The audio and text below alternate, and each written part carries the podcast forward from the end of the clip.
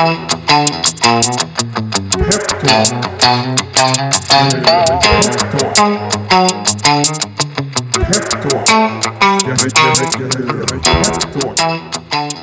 säger vi äntligen måndag och eh, varmt välkomna till podden som heter Peptalk. Med mig i studion som alltid, Dan Lainio. Välkommen! Tack så mycket. Hur mår du Filip? Ja, men jag mår eh, riktigt bra. Det är fredag. Eh, vi ska säga att innan, när eh, det här är vårt femte avsnitt vi spelar in va? Eh, på vägen till eh, poddstudion sen till innan så brukar Dan alltid skicka ett sms till mig och liksom beskriva liksom känslan och hur fantastiskt eh, eh, livet är och sådär. Man blir otroligt taggad. Och idag skrev eh, du till mig Dan att eh, liksom solen, eh, liksom, eller himlen spricker upp och solen kommer fram. Eh, så känns det. Härligt. Och det är ju ett, Hur mår du då? ja, men det, det är bra. Eh, det där meddelandet som jag skickade innan är ju ett, ett peptalk i sig. Ja men det är, det är verkligen ett peptalk. Eh, är du taggad på avsnittet idag? Supertaggad. Jag är återigen väldigt övertygad om att vi kommer bränna av Peptalks bästa avsnitt hittills. Och jag har varit nervös inför det här i eh, några veckor. Ja, jag har Eh, också varit lite idag så nervös. har vi, ja men det kommer hända något riktigt spännande idag. Vad har vi på agendan? Ja, men så här är det. Vi sa ju för ett par veckor sedan att vi hade en riktig toppgäst eh, på gång eh, och eh, det har vi. För idag gästas vi av Jane Valerud. Eh, och eh, ja, jag ska inte spoila så mycket mer så jag tänker att eh, du Dan får ta över introduktionen. Yes, så jag satte mig och googlade igen eh, och så googlade på Jane Valerud. Jag fick fram 6920 träffar eh, och det tog ungefär 0,46 sekunder att ladda det här och vi benchmarkade det här och Filip laddade på 0,28 var det va? Ja, andra gången och då hade vi cashat kanske så att om det nu heter så, jag vet inte. Det lät bra. På den här lilla flärpen då, vad har andra sökt på? Eller menade du, hittade Googles algo lite relaterade sökningar när jag då sökte på Jane Valerud. Eh, och de andra sökningar som dök upp var Stina Bergfors, tidigare vd för Google Sverige, Elina Berglund, grundare av Natural Cycles och Kristina Stenbeck Kinnevik. Och tittar vi då på vem Jane Valerud är så vittnar Wikipedia om att hon heter Jane Kristin Valerud Boreta. Hon är född den 19 november 1961 i USA och är en svensk entreprenör och investerare. Under de senaste 15 åren har hon varit involverad i starten av 11 nya företag, bland annat Klarna, Bluetail och Teclo Networks. Och Valerud är idag grundare och verksam vid det egna riskkapitalbolaget Valerud Ventures. Nu kan vi inte vänta längre idag. Nu öppnar vi dörren till studion och välkomnar in Jane Valerud. Då säger vi varmt välkommen till eh, podden och in i studion Jane Valerud. Tack så mycket. Kul det- att få vara här. Ja men jätteroligt alltså. Är det, är det poddpremiär här för dig? Nej, det är det inte. Det är det inte. Har du någon podd eh, du tycker att man ska lyssna på som du har gästat? Mm, nej, inte som jag... Alltså, jo, jo, det är vissa jag har gästat, men de jag lyssnar på är nog um, SE Social Europe. Är min favorit. Okej, bra tips. Den ska Det jag ta med inte, mig. handlar inget om entreprenörskap. Nej. Nej. men det är bra. Man behöver få lite annan input Ja. också. Vad, en, en kortis på den då, vad handlar SE-podden om? Eller så? Det har varit eh, Mark Blythe om macroeconomics och varför austerity var en dålig idé. Uh, det har varit eh, David Autor. Det är rätt så mycket. Jag tycker om makroekonomi och ekonomi så det var mycket sånt och sen har det varit politik i Europa och hur man kan ändra på Europas institutioner så att det kanske funkar bättre här. Ja, typ. Inte entreprenörskap. Nej, bra Dan, då har vi eh, massa spännande att, att, att lyssna på här under veckan. Men jag tänkte vi skulle, första frågan till dig, de flesta tror jag som lyssnar på den här har lite koll på vem du är, eller mycket. Men vi vill ändå höra med dina ord, vem är Jane? Jag är en medelålders kvinna som råkar vara entreprenör också i tech. Rätt så nördig. Nördigt är bra. Eh, när jag gick från eh, kontoret och skulle hit till inspelningen så stoppade min kollega Karin mig, för hon visste att jag skulle intervjua dig idag, så sa hon så här, kan du inte fråga Jane om det finns någonting som, som du har fått med dig från liksom barndomen eller uppväxten som, som du känner att du har extra nytta av i din eh, liksom karriär idag? Ja, kanske att vi är småföretagare familj. Hela min släkt och hela min mans släkt. Så att det är prat om företagsamhet. hela tiden. Och behöver man mer pengar så startar man företag. Så är det i min familj. Den Bra. andra är kanske att min, min pappa var en väldig risktagare. Så att ekonomin gick upp och ner rejält under min barndom. Okej. Och vi överlevde. Det var faktiskt ingen större problem. Nej, Och det var också bra att ha med sig när man riskar. verkligen. Precis, och ni driver ju ett familjeföretag i, idag också. Ja. Alltså, givet historiken, vad, vad det, har det varit givet från första början och framförallt Nej, nej, nej. nej. Min, I min födselfamilj, och min mans födselfamilj, det är inte så att folk i släkten har drivit företag tillsammans. Utan man har haft varsin eller varsina separata. Så nej, nu är det en liten ny grej att faktiskt driva det ihop. Mm. Spännande. Mm. Och du, Jane, du eh, beskrivs ju eh, ofta tycker jag som en av 20-talets mest framgångsrika affärsänglar. Eh, superhäftigt, eh, bara det tycker jag. Eh, men min fråga handlar om vad ordet, ordet affärsängel betyder. Vad innebär det för dig? Jag tycker att privatinvesterare funkar alldeles utmärkt som beskrivning. Um, privatinvesterare i onoterade bolag är det väl en affärsängel tror jag. Så det Där, gör jag. det finns ju så mycket fina liksom, eh, benämningar på det här med investerare. Investerare eller finans är väl duktiga på att liksom, sätta etiketter på saker. Ja, ja, precis. Ängel istället för ja, nu får ni lite pengar. Så ja, det är viss skillnad. Ja. Exakt. För är det det som kanske har varit tanken med att man, man, man, är, man är så snäll som kommer med pengar och så fin, finns det inga, ingen förväntan tillbaka. Är det därifrån begreppet kommer tror du? Jag vet inte. Jag har försökt ibland benämna mig själv privatinvesterare eller serieentreprenör för jag tycker det stämmer bättre på mig. Mm. Men affärsänglar är ju ett vedertaget begrepp. Det är det ju. Mm. Absolut. Bra. Och det är någonting som jag och vi eh, kommer vilja komma tillbaka till, ert, ert entreprenöriella förhållningssätt till, till er- era investeringar som Mm. vi tycker är väldigt intressant och unikt. Eh, men för att göra en liten eh, kort tillbakablick. Du var med och startade Bluetail 1998 som såldes eh, 18 månader senare för 1,4 miljarder kronor. Och vi läste någon in, i, i någon intervju där att du sagt att det inte blev någon jätteklipp i slutändan, men eh, att det blev starten för att bli affärsängel. Eh, alltså hur mycket placeringsbara medel eller pengar tycker du att man behöver för att komma igång med ängelinvesteringar? Det finns rätt så många privatinvesterare som investerar i sweat equity. Att de går in med bara sin, citat, bara citat, sin egen arbetskraft. Och det är också en investering. Så att man behöver inte så mycket pengar men man måste ha någon extra resurs som man kunde ge, sälja till firman i fråga. Tycker jag. För då, eh, då behöver man kanske pengar ändå för att betala för mat och... Ja, eller en partner eller liksom någon. Nej, exakt. Mm. Hur, eh, hur många dåliga investeringar skulle du säga att det går på en lyckad? Det finns statistik på det. Uh, Med bara din känsla. Du har ju varit väldigt framgångsrik. Så att det, det, men hos oss är det inte så många misslyckade. nej. Um, så är det ju. En tray på dem kunde vara 17-18 som vi gör inne. Betyder det att ni är duktiga på att säga nej? Vi säger nej väldigt mycket men det är med anledning av att eh, vi är tre stycken. Vi satsar rätt mycket tid såväl som pengar. Alltså ungefär en halvtidsjobb uh, i genomsnitt per bolag. Och vi är tre per så det är max sex bolag. Ja, just det. Och därmed så, och de har vi under en längre stund, eller hur? Vi, vi är barnmorskor och små skolelärare och möjligen ettan till trean. Och sen så kan vi lämna bolaget vidare. Och det gör ju då att vi kan inte investera så ofta. Och då blir det ju få och väldigt många nej. Absolut. Mm. Och Det där tycker jag är, är superintressant, för det känns som att ni är, eh, och här får väl ni rätta mig om ni tycker att jag är ute och cyklar, men det känns som att ni är ganska unika just i ert förhållningssätt på hur ni jobbar med, med era liksom, portföljbolag. Eh, jag tror att jag hörde i någon intervju att, eh, jag vet inte om du var på väg neråt i landet från, från Stockholm och du skulle åka och jobba med ett bolag och hjälpa till att fakturera. Mm. Så, alltså, ni är väldigt, väldigt eh, hands-on. Ja, Hur, hur har det kommit sig att, att ni har utvecklat den liksom, strategin eller det sättet att jobba på med, med portföljbolagen? För jag, jag upplever inte att det är jättevanligt. det är inte jättevanligt och så gjorde vi inte från början heller.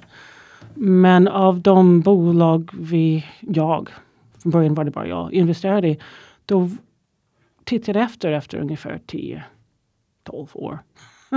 vilka hade blivit bra och vilka hade blivit dåliga och det var väldigt tydligt att ju mer jag jobbade i bolaget desto bättre gick de. Och då måste man ju dra lite lärdom av det och säga okej, okay, men vi ska inte ta de här som satsar pengar i och så blir det ju ingenting efter en månad. Utan vi ska ta dem där vi faktiskt kämpar.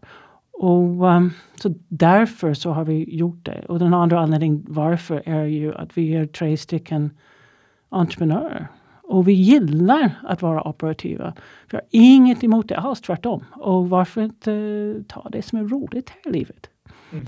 Blir det till och med någonting som, eh, som ni sätter förväntan på bolagen när ni ska investera? Att vi vill ta en operativ roll. Eh, är, liksom, kommer det med pengarna att ni ska få eh, den, den möjligheten att kunna vara operativa? Ja, om de inte vill ha oss så blir det ju ingen affär, det är såklart. För pengarna i sig, är liksom, eh, det är bara en del av, av helheten då? Vi det har inte alltid varit så. Vi är lite av och till på den saken. Men i allmänhet så tycker vi att det hjälper när vi är med. Uh, för då har entreprenörerna i det här bolaget med sig någon som är ju faktiskt med i gänget och känner till alla smeknamn och gör kaffe en tisdag mm. morgon. Och säger oj, um, fonten där var inte den samma font som jag har sett tidigare. Uh, kanske du ska kolla. Uh, vilket då eller ah, men det här är en förhandlingsfint eller nu ska vi oroliga. Det här stora erfarenheten och kontaktnätet är faktiskt nyttigt för en nystartat bolag. Och jag kanske tycker att även för mig själv, för några av de bolag jag har startat, det är väldigt bra att ha någon till erfaren person uh, som är där och jobbar. Och det som är fördelen här med oss är att vi är där och jobbar och vi är erfarna och vi är ja, stora och största kanske. Men vi har absolut ingen ambition att ta över bolaget heller. Vilket gör att vi blir ju ganska attraktiva för en entreprenör. De får jättebra hjälp. Och sen så varje gång de lyckas anställa någon som tar en del av vårt jobb så, oh vad bra, tänk att, ja bra, Hanna här, jättebra, Hanna, här har jag alla mina pågående säljgrejer alla mina, alla mina prospects. Um, och så, så kan man lämna över det. Ja, det är precis. ju perfekt ju. Ja, precis. Och ja. sen så, ah, okej, okay, men vi lämnar över det och tar ett gemensamt möte eller vad nu Men nu, nu är det här ditt jobb, vad kul, du tar jag någonting annat. Exakt. Ja, jättebra. Man är, man är där man behövs helt enkelt. Ja. Och våga skita ner i händerna också kanske då? Ja, det är väl det som är kul. Ja. Det är, det är inte bara high fly jobbet, det är inte bara styrelserummet. Nej, tvärtom. Och det, för det här pratade jag och jag driver bolag och jag och min kollega Adam pratade om det här när jag sa att du skulle gästa, mm. gästa podcasten. Och, och eh, Vi kom fram till att men, en investerare som är så pass delaktig bör ju också verkligen få en annan känsla för liksom, hur bolaget går, hur grundarna mår eh, och de här sakerna som inte kommer med i ett eh, board deck en gång per kvartal och sådär. Eh, känner du att du snappar upp mycket vid, i lunchrummet som du sen kan extrahera för att hjälpa bolaget ytterligare? Ja, i Graphotech som är som där jag varit i drygt ett år nu då, snart ett och ett halvt. Uh, uh, så i höstas så bjöd jag hela gänget och partners på uh, Thanksgiving dinner, alltså för jag är mm. amerikan. Och uh, då satt jag mig bredvid CEOns fru. Och insåg, oj, ah, det här kommer inte gå. Vi måste se till att den familjen flyttar till Uppsala. Mm. Ah, och de har inte råd. Okej, okay, då får vi fixa det. Så att de nu bor i Uppsala. Vi har ordnat med liten sekundär försäljning av några aktier så de fick nog med pengar för down payment och med grundaren som känner alla i Uppsala och vart allting, okej okay, du ska bo ungefär här och liksom och nu bor de där, den familjen. Och det, det är faktiskt, det får man bara veta ifall man känner frun. Mm. det, ja, det, det, är en hjälp mm. faktiskt tror jag.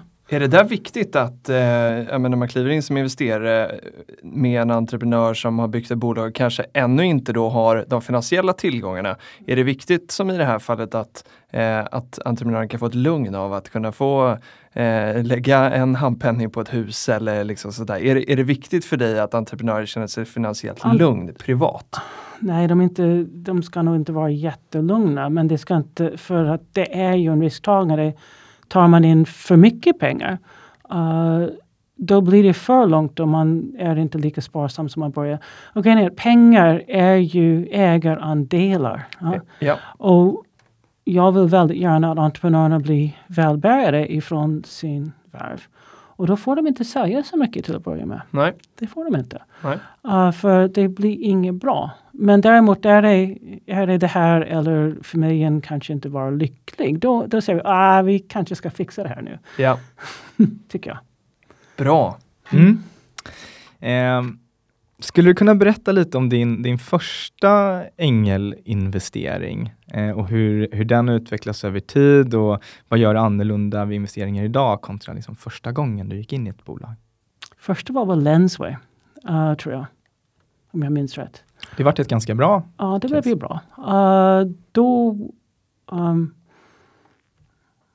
entreprenören där heter Daniel Mühlback och han är även grundare på Footway som är nu är noterad. Han är en himla duktig entreprenör, helt otroligt. Men då var han inte så rutinerad. Och jag kan väl tycka ifrån den här 20 år senare, eller vad det nu är, 19, att inte jag heller var så rutinerad, men ändå mer än vad han var. Och uh, då var jag där en halv dag i veckan och började med, okej, okay, är det kris någonstans? Och han kunde svara. Ja, vi fick ett helt berg med en dags linser och de borde alla ut ur uh, och levereras till posten uh, idag. Aha, okej, okay, då är jag plocka pack. Ja. Är det inte någon jätte, jättekris, då är det ju okej okay, Daniel, hur har du använt din tid? Senaste veckan, finns det lite hook vi kan få ihop som kan bli till ett jobb som vi kan anställa någon till? För att det bolaget växte 5% i veckan på ett ungefär. Och då är det ju, om man hade ju fått bara plocka och packa en vecka så var bolaget 10% större och hans jobb var kanske lite mer än 10% större varje gång. Så det var det, då var det mentor och allmän hjälpreda för de mindre kvalificerade arbeten där. Och blir man jättenyfiken på, hur, eh, hur hittar du då i, i den rollen som, som du hade då, eh, hur hittar du en sån entreprenör? Du var ju också tid in i Klarna. Mm. Eh, vad hittar du de här människorna eller hur hittar de dig? Lensway var en kompis till mig, heter Gunnar Håkansson, uh, som,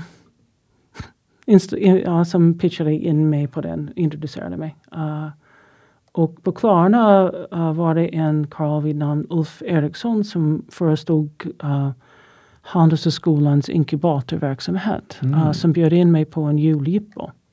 Och en del av underhållningen var att alla företag som var in, inbjudna fick ha en två minuters pitch. Den vägen var det. Just det. Och, och just Klarna, det känns som att det har blivit en sån här legendar i, inom startup-svängen eh, i, i Ja, Sverige. det har gått väldigt bra, ja precis. gått ja. väldigt bra och, och det finns också ehm, Sebastian Siemiatkowski, Klarnas grundare, han var med i en intervju i Startup-podden för några år sedan. Mm. Och då sa han, eh, vi ville ha 400 000 men Jane gav oss 600. Hon tyckte att vi behövde det. Hon värderade vårt bolag som då bara var en powerpoint-presentation till 6 miljoner. Eh, och det jag och vi lite Och jag vill komma ihåg att det var 300 och 600 istället, men det är okej. det var 360, ja men då så. Eh, men hur, hur går det till eh, när, när du värderar en powerpoint-presentation som det var då till, till en, eh, i det här fallet då 6 miljoner? Varför just 6 miljoner och hur tänker man där? Är det samlade erfarenheter mellan tummen och pekfingret eller sitter du med ett Excel-ark och prognostiserar marknadens potential? Hur, hur går det till? I Klarnas fall så upplevde jag att det var jätteduktiga killar. uh, utan teknikkunskap egentligen. Och med en fantastisk affärsidé. Och jag kände teknikkunskapen. Så att vi kunde plocka in dem också. Och sen så tyck, tyckte jag att 300 000 inte var nog för en sån affärsidé. För att man skulle kunna bevisa det överhuvudtaget. Och då tyckte jag att de skulle få lite till.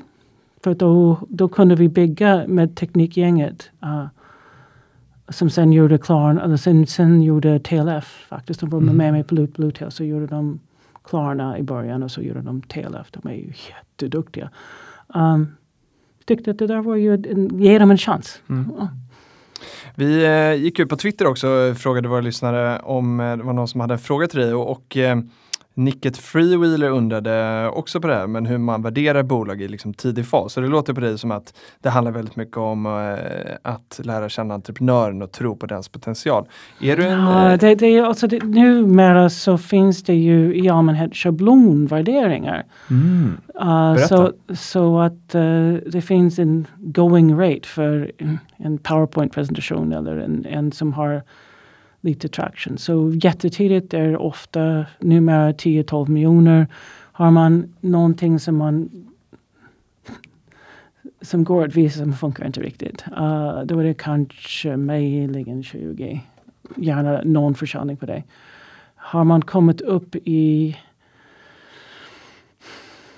några miljoners omsättning. Uh, men det, det, ja, det börjar lyfta men det är inte riktigt, men det är ändå oerhört lovande. Då kan man möjligen få pengar på mellan 50 och 60. Ja. Um, så. Intressant. Och du, Det är ju ganska standardmässigt Mm. och sen så justerar man om man har konkurrens eller om de kommer att behöva jättemycket pengar sen för att jättemycket pengar sen betyder att om man vill att, att entreprenören ska vara motiverad då måste man ju ha uppvärderingen en bit. Uh, för annars så blir de av med för mycket i bolaget. späds ut helt enkelt. Ja. Ja. Är det en viktig, det här också när man, eh, om vi tänker till lyssnarna, om vi ska utbilda dem i hur man eh, investerar i tillväxtbolag så eh, tror jag att det är många kanske som tänker att om jag gör en investering en gång, eh, är det lätt att underskatta det här med att bolaget behöver pengar över tid att man måste, för det är även som mig som investerare, jag blir också utspädd om jag inte fyller på vid nästa nyemission. Mm. Eh, är det viktigt att ha med sig det?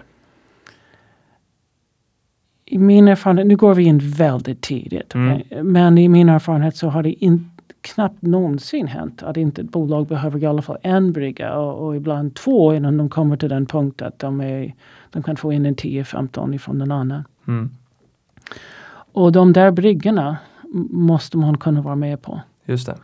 Uh, när man börjar komma upp så man börjar få in pengar på ett lite högre värdering då beror på, på ens kassa om man ska vara med. Men det brukar vara en ganska lång period då det inte, värderingen inte ökar så himla mycket och sen så går det relativt snabbt. Mm.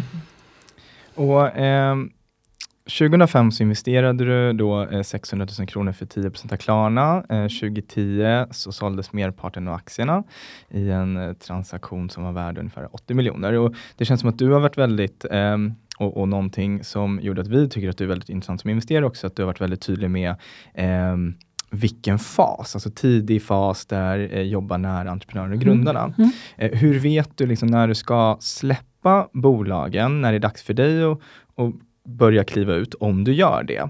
Eh, och hur tänker du kring att vara med på resan över längre tid? Att du kanske inte släpper hela din position? Eller har du någon resonemang eller någon strategi kring det?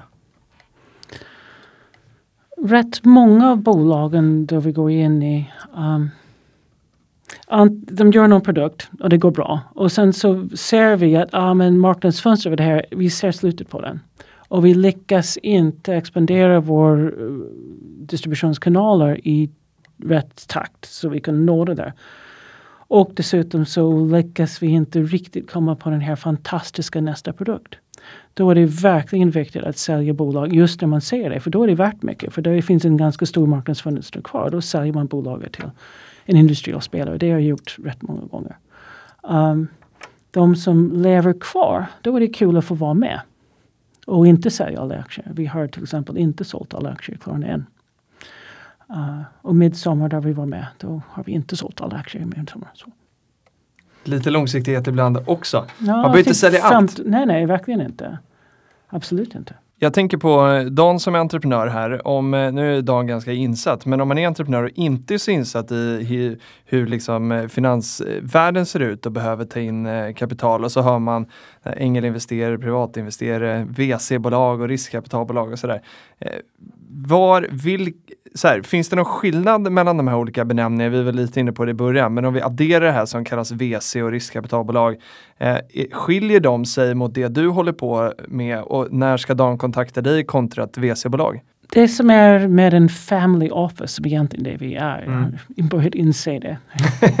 uh, är det vi investerar egna pengar. Mm. Och eh, vi har ingen speciell investeringshorisont. Vi behöver inte sälja vid en viss tidpunkt.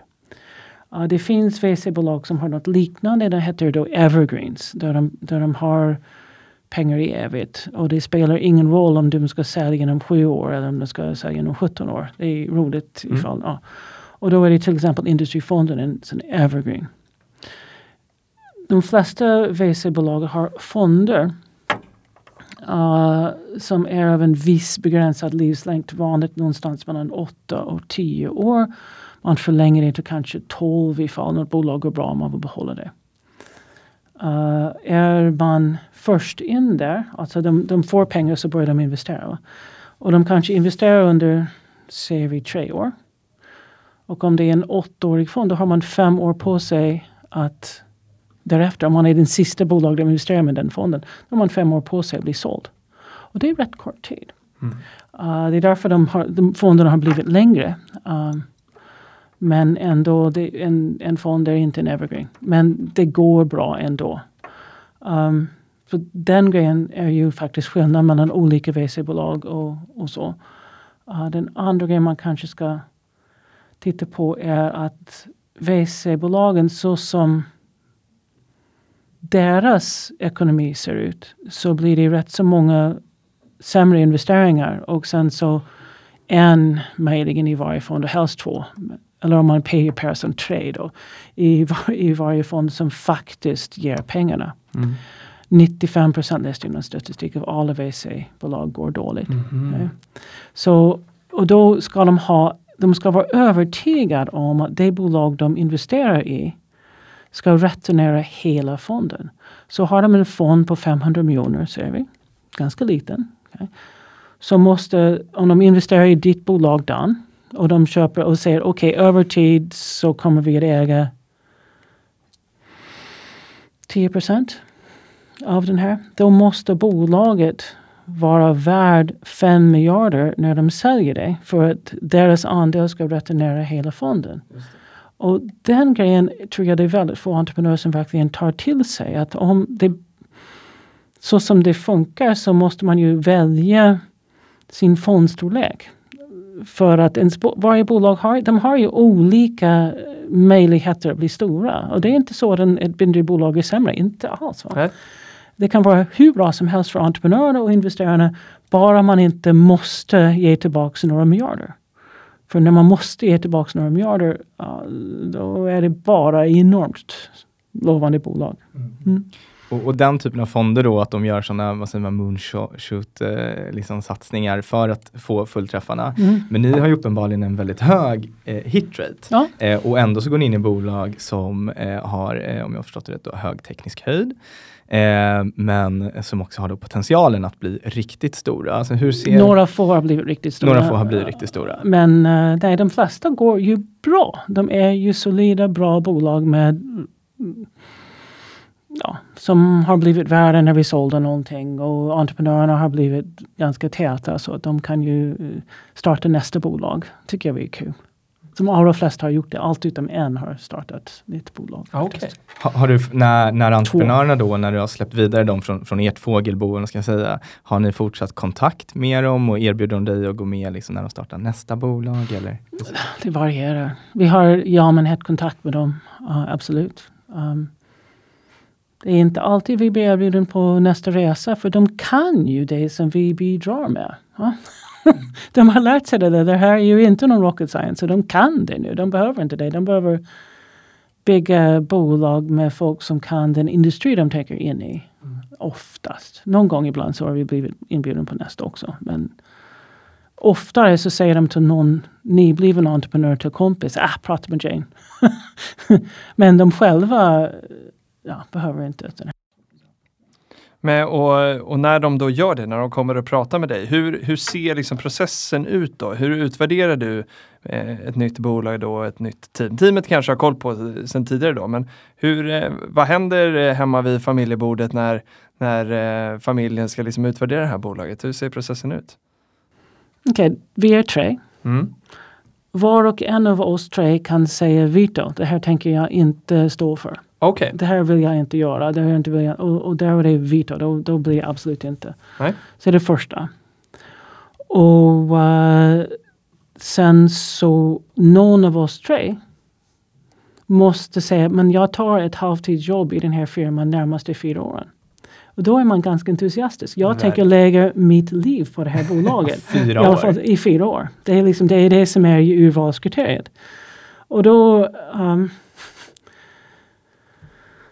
då får vi rätt många propåer och då tackar vi nej så fort vi kan. uh, för att det är ju dumt mot entreprenörer att, uh, att inte få ett besked. Om det finns ett besked att få ganska snabbt, då ska man ju göra det. Uh, och vi, är, vi tre människor i Valhut-familjen är överens om vår nuvarande fokus på deep tech, clean tech och AI. Och därmed så var det någon som hörde av sig ja, på vägen hit som jag tackade nej till som hade en social network för hästar, hästägare, inte hästarna säkert själva. Ja, och jag är rädd för hästar. så nej, Det kommer inte sitta där i fyra år. nej, nej, nej, nej, det är Vito. Jag vill inte hålla på med hästar. Jag vill inte behöva klappa hästar. Nej, det blir inte så. Och då kan jag ju tacka, bara säga nej, min, jag använder min Vito. Nej, nej, nej, nej, nej. Och Caroline gör samma sak med, på sin sida. Och då är det några få som kommer igenom det här omedelbara. Nej, det blir inte mode. Nej, det blir inte hästar. Ja, men det här är ju det här är deep tech eller clean tech eller AI eller ett fantastiskt bra person eller en fantastiskt bra pitch. Och då, då diskuterar vi. Måste man rapportera sådana här veton också? Till familjen så att, så att eh, de övriga vet vad man har tackat nej till? Det händer att man är på BCC på, på de grejerna. Mm. Ja. Och när vi har faktiskt diskuterat då, då är de andra definitivt på BCC. Ja. Så de vet om att man har faktiskt gjort det man har kommit överens om. Vill du inte? uh, Okej, jag tackar nej då. Då ska man veta. Ja. Mm. Men om man, om man säger att ni ska, eh, du skulle komma in och, och jobba med mig i, i fyra år. Mm. Hur, hur lång är eh, er due diligence-process då? För det commitmentet är ganska stort. Eh, kommer vi lära känna varandra först eh, utöver att kolla på business-caset? Eller Det varierar. Um, ett gäng som vi tackade nej till sist, som det gjorde verkligen ont att tacka nej till. Då hade vi ju pratat med dem rätt länge och sagt okej, de här underbara människor undrar om de gör framsteg i rätt takt. För det var, och sen så efter några månader så hade de inte gjort det. Och då är det bara, ah, fan, nej, ja, uh, nej, oh, det gör ont, men nej. Uh, men ja, vi gör i allmänhet idé och vi vill ha så mycket teknisk höjd så idén är av vikt. Många andra säger att det, att det är um, teamet själv men för oss är det även idé uh, och team. Uh, och sen så just det här personkemin stämmer. Ja, jag tänker faktiskt jobba med de här typerna i fyra och de tycks vilja göra det med mig och de, är, de behandlar oss som vanliga människor och då blir det bra. Ja. Grymt. Och deep tech, clean tech och AI. Mm. ehm, Jättetekniskt. jättetekniskt. Mm. Om vi, vi bryter ner det till, vad, har du något case som du tycker är särskilt intressant? Vad är mest spännande tycker du just nu? Ha! Det där är ju, vilket av dina barn älskar du mest? Eh, just nu, uh, ja, Racefox som är en, AI, en personlig tränare. um, som ja, faster, longer, forever. Alltså lär dig löpenergiteknik så du kommer fortare fram. Uh, får dig form, longer och även håller reda på din dina obalanser var du är ju inte, där du riskerar att skada dig. Uh, och det funkar. Uh, på någon månad så blir man fem minuter snabbare på sin 10K. Det är rätt bra. Verkligen. Tränar man Vasaloppet så kapar man i allmänhet en timme med oss. Oj. Uh, så det funkar och vi har nu en fantastisk CMO som har gjort att det ser faktiskt bra ut. Vi har personer och grejer och vi eh, är på Amsterdam Marathon alldeles strax. Så det är jättespännande. Mhm. VIP-grejen och stora, ja, ja, nu, nu hoppas jag. Så den är ju kul för den är just nu. Ja. Um, Dan springer ju sådana här galna lopp så att... eh, Oj, det var faktiskt några kompisar som, eller någon bekant som, jag tror det var för några år sedan, tyckte att jag skulle testa den här Mm. rackaren. Och det borde jag ha gjort, eh, Ehm, om det hade hjälpt mig att bli snabbare. prova. Det är bara, om du har en Polar pulsband så kan du använda det. Annars har vi egna men Polar är ju bättre grejer. Så att, eh, använd Polar pulsband och laddar ner appen och kör, springer i 15 minuter. Så uh, kan vi dels hjälpa dig med din löpteknik redan under de där 15 minuterna och dels eh, uh, se vad du har för saker du borde förbättra på din teknik och se vad du har för potential vad gäller din form och även se om du har obalanser som du borde göra någonting åt. Allt från något litet, din högersida lite svag, ta och hoppa hopp rätt men bara ett ben, höger ben. Liksom. Eller om det är uh, naprapat nästa steg. Liksom. Så. Vi ser båda det. Så den är kul. Mm. Um, Finns det något annat bolag i portföljen som det är som du vill lyfta lite särskilt då? Just nu så är jag ju, jag tycker Econo är riktigt kul. Det är AI för machine learning. Mm. Uh, för, för uh, machine learning för IoT. Så att prylar blir snabba, blir intelligenta. Hela vägen ut i Edge så ser de till att deras fläkt behöver bytas. Uh, gör förbränningsmotorerna uh, effektivare. Ja, gör det som behöver göras på den fritten själv. Uh, och det tycker vi är kul och vi säger rätt mycket till um, ja, till exempel Siemens gör gasturbiner, enorma grejer. Bränner naturgas, gör el på elplattformar. Med vår teknologi så blir förbränningen bättre i varje gasturbin. Så pass mycket bättre så att uh, lika mycket kväveoxid inte blir utsläppta som 14 000 Volkswagen Passat per gasturbin. Mm. Och, det tycker, och det blir bara lika mycket effekt, mindre bränsle och väldigt mycket mindre föroreningar. Det tycker vi är bra. Så. Så. Det, det, det, det är liksom det här hjälper industrin. Uh, också. Inte bara konsumentprylar utan i Sverige så har vi jättestora företag och sen har vi väldigt många små. Och länge så tyckte jag jag hjälper de små till att bli större så vi, vi har flera, flera medelstora bolag som ja, ger välstånd åt Sverige. Ger välmående entreprenörsfamiljer. Men i och med den stora omvandlingen som händer nu uh, med material science och med, uh, med AI så tycker jag att det är ganska kul att försöka se till att våra storbolag överlever också. Jag tror att det är ganska många som lyssnar på den här podden som eh, är, sparar mycket på börsen. Ja. Eh, och då blir man nyfiken, sparar du någonting på börsen? Eller investerar kanske det heter? Uh, de pengar vi har tagit hem ifrån diverse äventyr är ju i diskretionär förvaltning. Ah. Så vi så ni gör inte själva? Nej, inte så intresserade av det. Nej. är det för att det blir för att man inte kan vara med och vara engagerad på samma sätt så? Intresse är ju som, som, som baken av det. Ja, man är, man är olika. Ja. Det finns ju många som tycker det är jättespännande med börsen. Ja, visst. Och det är inte jag. Nej. Bra. Mm. Eh, förra veckan så hade vi en eh, sparekonom på besök eh, och så pratade hon lite då kring det negativa ränteklimatet och att pengar sägs vara eh, gratis i stort sett. För du som investerare, liksom, eh, är det tuff konkurrens om bolagen där ute? Har du varit tvungen att pitcha på något bolag någon gång? Ja. Att jag vill investera i det? Ja. ja berätta. Ja. Den som jag är ordförande i nu som heter Graphmatech. Mm. Var, träffade på Sting Day i förra året, så det är ett och ett halvt år sedan snart. Och uh, det var en medgrundare som började styra på den Ja, mm. Och sen så, okej, okay, ja.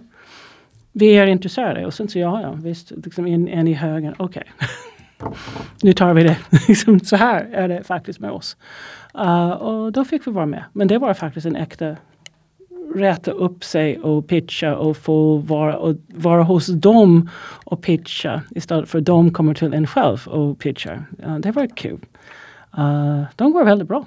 Uh, det är en uh, fantastisk uppfinning av en uh, som heter Mamunta här mm. som Uppsala-bolag. Vi håller på att bygga fabrik i Uppsala. Rätt oh, kul. kul. Ja, faktiskt. Jättekul. Jag är jättenyfiken på, jag har investerat på eller sparat på börsen vad man nu vill i ganska många år och sen jag började jobba där jag jobbar nu då på Peppins eh, så har jag börjat investera mer i onoterat. Eh, och då undrar jag, jag har inte hållit på med det så länge. Vad är dina liksom bästa tips till en investerare som vill börja titta mer utanför börsen och kanske komma närmare lite mindre bolag och sådär. Eh, vad ska man tänka på som investerare? Jag tror att man tar ganska nätt på sina första onoterade investeringar. De är hög risk och Mm. om man, jag tror att i allmänhet så är det väl de flesta som går under. Så det är lekpengar, det är inte det som du kommer behöva för din pension. Nej. Börja där. Uh, och sen, givet det så kan, gick man till lekpengar så ska du väl ha roligt. Mm. Det är det Ah, viktiga. bra. du ska ha roligt. Okej, Mm. så vad är du intresserad av? Är det börsen, då kanske du var inne i fintech. Men kanske du gillar glass? Mm. Inte vet jag. Liksom. Gå in på någonting som gör att du tycker det är roligt, att det är någonting du gärna diskuterar över en middag. Av Mm. den här grejen. Och sen så Som man kan jobba halvtid med i eh, fyra år. Man kanske ska tänka så i alla fall. Alltså, men, det som är nackdelen med att säga man jobbar halvtid i fyra år gratis, man måste ju ha medel att kunna Ja, göra men jag det. tänker mer att det kan vara som ett, eh, ett, ett test för en själv. Skulle jag, om jag hade möjligheten att jobba halvtid med det här i fyra år, eh, skulle jag då göra det? Om man skulle kunna svara ja på den frågan så kanske man är ganska nära då. Ja, kanske det. Ja, den andra är, jag har rätt, vi har många som hör av sig till oss. Mm. En nybliven investerare har sällan det. Och då måste den personen se till att få dealflow. Just det. Och det får man genom att gå med i affärsängel-nätverk, att gå med på några av de här startup-eventsen. Och gärna några av de här, börja med att ta någon bred, liksom, okej vad är det här för någonting? Hur ser en pitch ut? Och sen så smalna av på de event som handlar om sånt som du själv tycker är kul. För det är väldigt dumt för mig att lyssna på en himla massa hästpitchar. Jag vill inte tänka på hästar. Nej, exakt. Eh, asbra. Vilka, eh, ni får ju många pitchar eh, Mm. från, från olika eh, startups.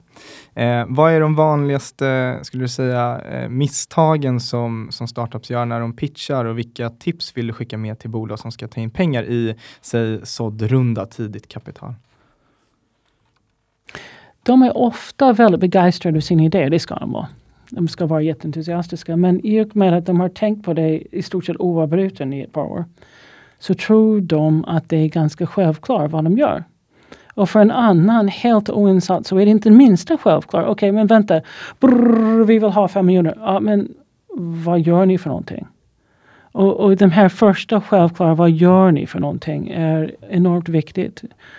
Och man måste säga det tillräckligt långsamt och tillräckligt tydligt så man ser ju i motpartens ögon att de faktiskt hajar. Och i deep tech är det svårare än man tror. okay.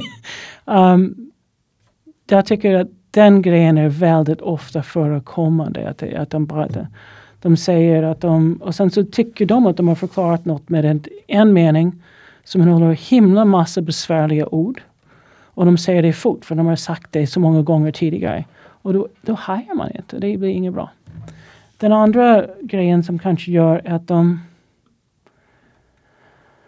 Ja, det finns väldigt många grejer som man kan gå fel på. Men, men att ha en äkta entusiasm och äkta kunnande om sitt bolag uh, och även en coachbarhet. När man ställer en fråga så vill man ju ha svar på den frågan och inte en annan fråga. va? Och eh, om man, om man som frågeställare har faktiskt hittat någonting som är lite svagt. Så ja, det där vet vi inte ännu. Vad tycker du? Eller, eller ja, vi har tänkt, vad tycker du? Vi har tänkt se eller så eller så, men vi är ganska villrådiga. Det där är helt okej. Däremot, vi ska göra så här minsann. Då tycker man okej, men då vill ni inte ha mig med. Nej. Ja, det, där ungefär, tycker jag.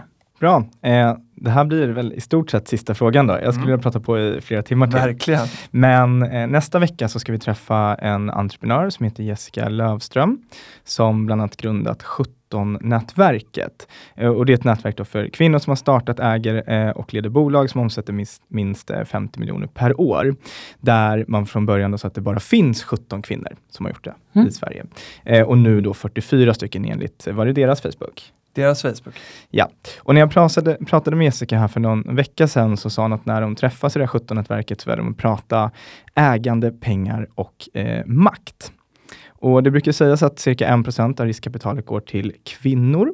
Eh, det är inte en stor andel.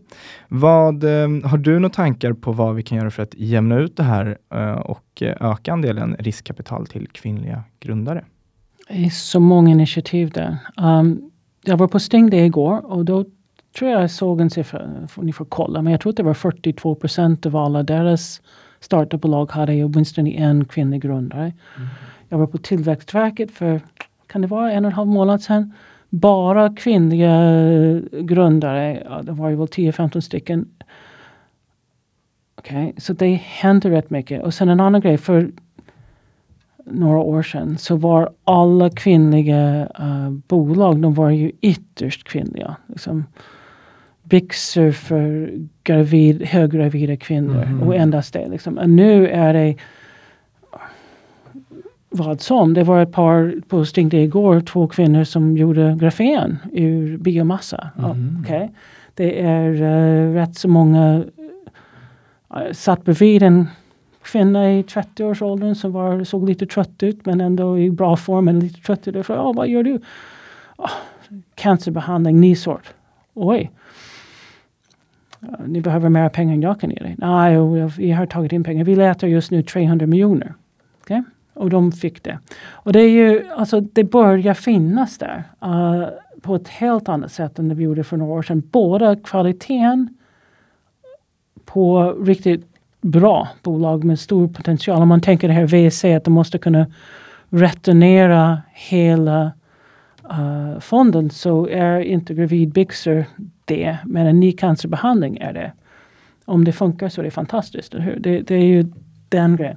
Så det är mängden kvinnliga entreprenörer, kvaliteten på deras bolag uh, och även mängden kvinnliga investerare har ökat något lavinartat. För när jag började så var jag, jag var en av väldigt få uh, privatinvesterare överhuvudtaget. Och jag var en av väldigt, väldigt få kvinnor. Uh, väldigt, väldigt, väldigt få. Jag tror att det var, det var en kvinna som investerade i mitt första stora bolag Bluetail från SE-banken, Ester.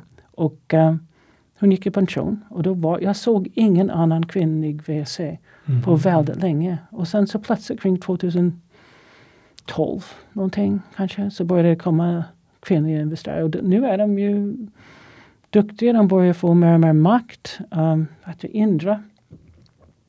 Indra kör en hel fond själv åt uh, Novax. Um, Marta Sjögren är ju helt fantastisk. Jessica Schultz. Um, vi har fått mycket hjälp från Marta. Um, ja, det börjar finnas en del. Uh, och det är inte bara sådana ytterst kvinnliga bolag heller. Utan det är, det är även andra. Mm. Inget fel på de kvinnliga bolagen heller. Kardashians tycks klara sig väldigt bra. Men, det behöver inte bara vara det. Nej, nej, det är kul när det är allt annat. Och när jag är deep tech och nördig så vill jag hellre säga träffa deep tech nördiga grejer. Och det finns det, det är kul. Mm. Om eh, vi skulle fråga dig vem du tycker att vi ska bjuda in som gäst i den här podden, vem, eh, vem ska vi fråga då och hälsa från dig? Ja, det finns så många. Daria, mm -hmm. GD på Vinnova, mm. som försöker göra uh, göra Sverige digitaliserat, försöka få Sverige på innovationsfronten, gör rätt så mycket i hela den här AI-kursen, pengar på AI för uh, de småbolag som är lite bakom. Uh, rätt mycket utlysningar, försöker verkligen vända rätt mycket för att få data öppen så att många bolag kan använda det för att göra bra grejer. Uh, lifelong learning försöker med. Mm -hmm. Det tycker jag är kul. En annan som kanske är kul är en gammal företag som jag var, uh, jobbade på en gång som heter Tobii. Mm. De gör eye tracking. Just det. Och jag käkade lunch med en gammal kollega där för, i veckan. Och det vill säga de har ett par glasögon som spelar in var man tittar. Aha. Och det använder man för att överföra kunskap ifrån gamla arbetare till nya. För man, om man är en erfaren jordgubbsplockare i Japan då vet man vilken nyans på grön man ska plocka jordgubbarna på. Och det vet bara den erfarna. Så man spelar in exakt vad de tittar och sen så får en nyanställd, ny, nyanställd mm. lära sig, jaha, där blir bra och inte där. Eller en sydkoreansk uh, lägenhetsinspektör. Eller alltså de här, den här kunskapen som är inuti hjärnan men inte i ord. Det kan man, det kan man få ut och, och träna folk. Och det där tycker jag är ju spännande. Så Henrik Eskilsson där, eller min gamla kollega Tom Englund. Så jag tycker Darja och Henrik kanske. Möjligen life- lifelong learning är ju också en jättespännande grej. Verkligen. Tack för tipsen. Ja, Yes, tack. Och jag tycker Tobii är ett jätteintressant bolag. Eh, Ja. och, och tekniken har varit, alltså den är, den är fantastisk och det är så kul att höra också när, eh, när användningsområdena för tekniken eh, utökas och man hittar nya nya sätt att använda det på. ja, ja. Bra, eh, tack så mycket. Det här har varit en, en grym intervju och på min, vi har ju en sån lång lista då med, med drömgäster och eh, liksom, sen har vi en VIP-sektion som är, lite av bucketlisten. Då har vi liksom Jane Valerud och eh, Kristina Stenbeck. Så det känns skönt att ha bockat av Okej. en av två. Mm. Om man vill komma i kontakt med dig då, vart gör man det bäst då? Är det på Twitter, via er hemsida? Jane.valerud.com. Jag är en gammal kvinna och det är e-mail som gäller. Uh, jag svarar på Twitter, jag svarar på LinkedIn någon gång ibland. Men det går fortare på mejlen. Mail är jag på, ner på inbox noll flera gånger om dagen. Bra. Och det kan jag intyga. Eh, jag, jag har varit där. Stort tack Jane, det här är precis som Dan sa, varit jätte, jättekul och du är varmt välkommen tillbaka. Vi eh, blir jättenyfikna på vad som händer eh, framöver. Så eh, välkommen Mm. tillbaka igen. Tack! Tack!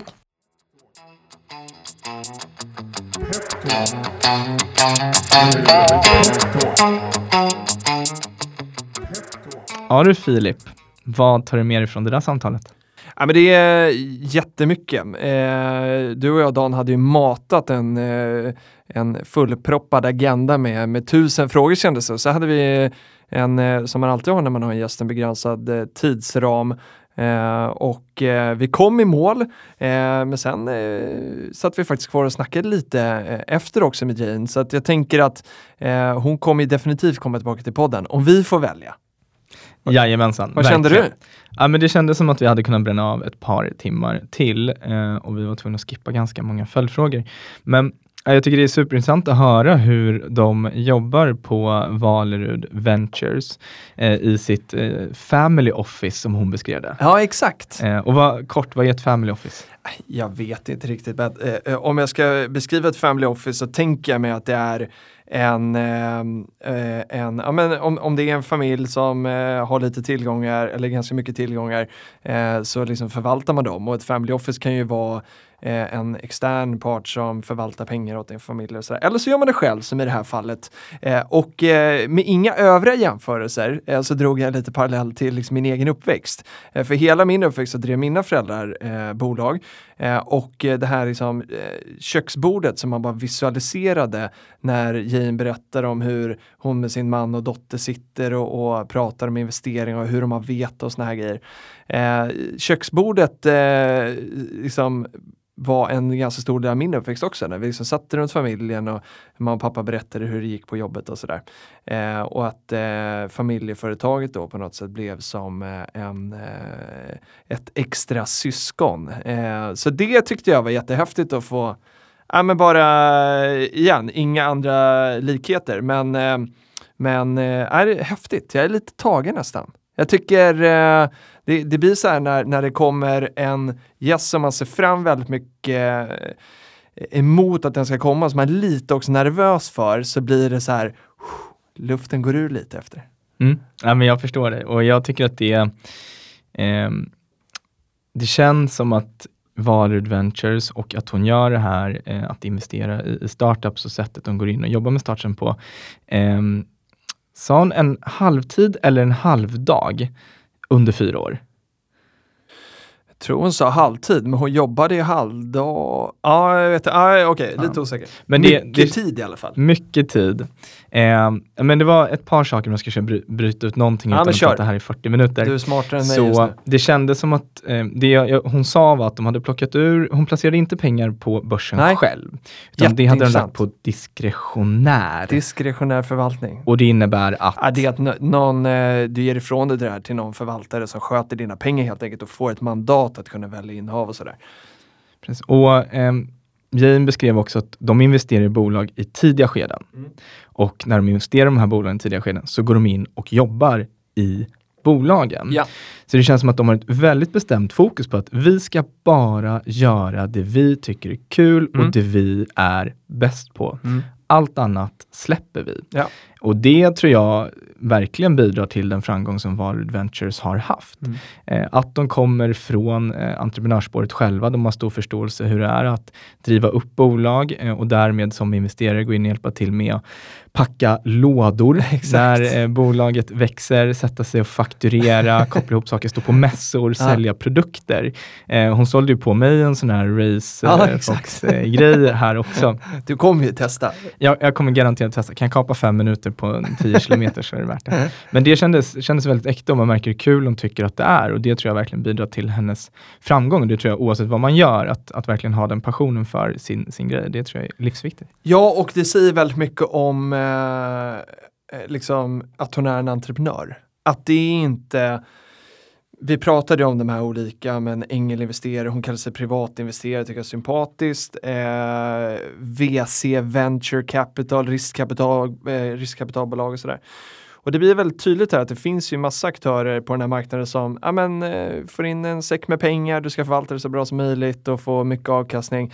Eh, det lyser igenom här tycker jag att eh, hon är ju entreprenör. Eh, hon vill ju bygga, bygga liksom bra bolag. Det känns inte som det absolut viktigaste är den finansiella avkastningen. Det är klart det finns en sån drivkraft också, det, det får vi gissa. Men att det så här, hon gillade ju eh, att göra liksom eh, grovjobbet. Vara på golvet, få höra vad som händer liksom eh, på riktigt. Exakt, och att hon är där och påminner om, eller eh, åtminstone bryr sig om, vilken typ av typsnitt bolaget använder. Exakt. Och jag tror att eh, många som pratar om vad gör framgångsrika bolag brukar beskriva det är inte de här stora riktningsbesluten som folk utifrån eller man kanske på styrelsemöten ibland får se, utan det är de här tusentals små besluten som gör skillnaden. Mm. Och att då som investerare vara där och inte bara läsa vad som står i vd-rapporten varje Mm, månad, mm. utan faktiskt se vad är det som snackas om vid, eh, i lunchrummet eller eh, hur, hur mår familjen till grundarna här, för det kommer påverka sakerna. Det är nog inte helt vanligt som vi konstaterade under intervjun. Verkligen. Ska vi ta helg på det eller? Vi tar en, en ny vecka på det. Ja, vi tar en ny vecka. Eh, det är fredag när vi spelar in som vanligt. Eh, det är måndag när ni hör det här. Så att eh, vi tar helg. När ni hör det här så tar vi en ny vecka och så eh, hörs vi igen nästa. Men vi vill ju eh, höra vad ni tycker också. Så när ni har lyssnat på det här eh, så eh, släng iväg ett mejl till oss på peptalk.peppins.com. Fick några mejl förra veckan faktiskt. Kul. Eller så kan man skriva till oss på sociala medier. Vad finns vi då Dan? Vi finns på eh, Twitter och Instagram Ja. under join peppins. Just det. Eh, där kan du hitta oss. Och så kan man eh, prenumerera på podden också. Det tycker vi att man ska göra, så att eh, missar plinget i telefon när det finns ett nytt avsnitt. Precis, och eh, sen får jag dra den här eh, disclaimern då på slutet. Ja, vi ska bara säga det är Soundcloud, Acast, Podcaster, Spotify. Där du vill. Exakt. Lyssna. Och den här podden produceras för Peppins och inget av innehållet ska ses som finansiell rådgivning. Investera i aktier är förenat med risk som innebär att man kan förlora delar eller hela det investerade kapitalet. Och inga innehav idag. Jo, ett. Tobii.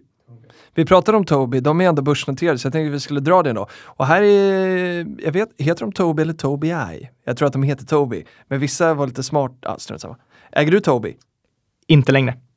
Och jag har aldrig ägt. Eh, nej, jag har aldrig ägt Tobii. Så så var det med det. Vi ses nästa vecka. Det gör vi. Ha det bra. Pep Talk. Pep Talk.